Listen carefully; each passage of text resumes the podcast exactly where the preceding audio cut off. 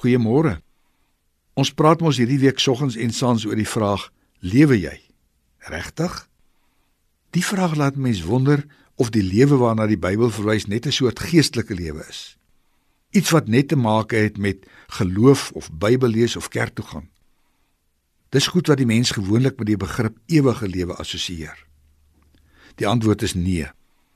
Wanneer die Bybel na lewe of ewige lewe verwys, verwys dit veral na die lewe hier en nou.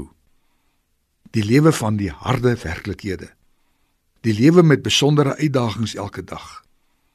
Dit is tog mos die lewe wat ons elke dag ervaar.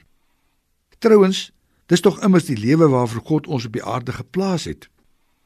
In die gelykenis van die goeie herder in Johannes 10 vers 10 sê Jesus: Ek het gekom sodat 'n lewe in oorvloed kan hê. Dit verwys natuurlik ook na die rykdom van die lewe van eendag, die eendag hierna. Maar in die gelykenis verwys hy na sy kudde, as skape blootgestel word aan die wêreld. Hulle volg die herder elke dag in 'n wêreld in waar daar baie gevare skuil. 'n Wêreld waarin hulle vernietig kan word. In so 'n wêreld beloof hy aan hulle lewe. En Jesus sê en dit in oorvloed. In die oorvloedige lewe hier en nou kan oorvloedige lewe baie dinge beteken. Natuurlik begin die oorvloedige lewe met die nuwe lewe wat ek in Christus deur die Gees ontvang het. 'n Lewe waarmee ek 'n wonderlike nuwe verhouding met Hom te staan kom. 'n Lewe wat nuut in diens van God gestel word. Ek word deur die Gees in staat gestel om op 'n oorvloedige manier na God te wil luister en sy wil te kan doen sodat dit duidelik in my lewe kan sigbaar word.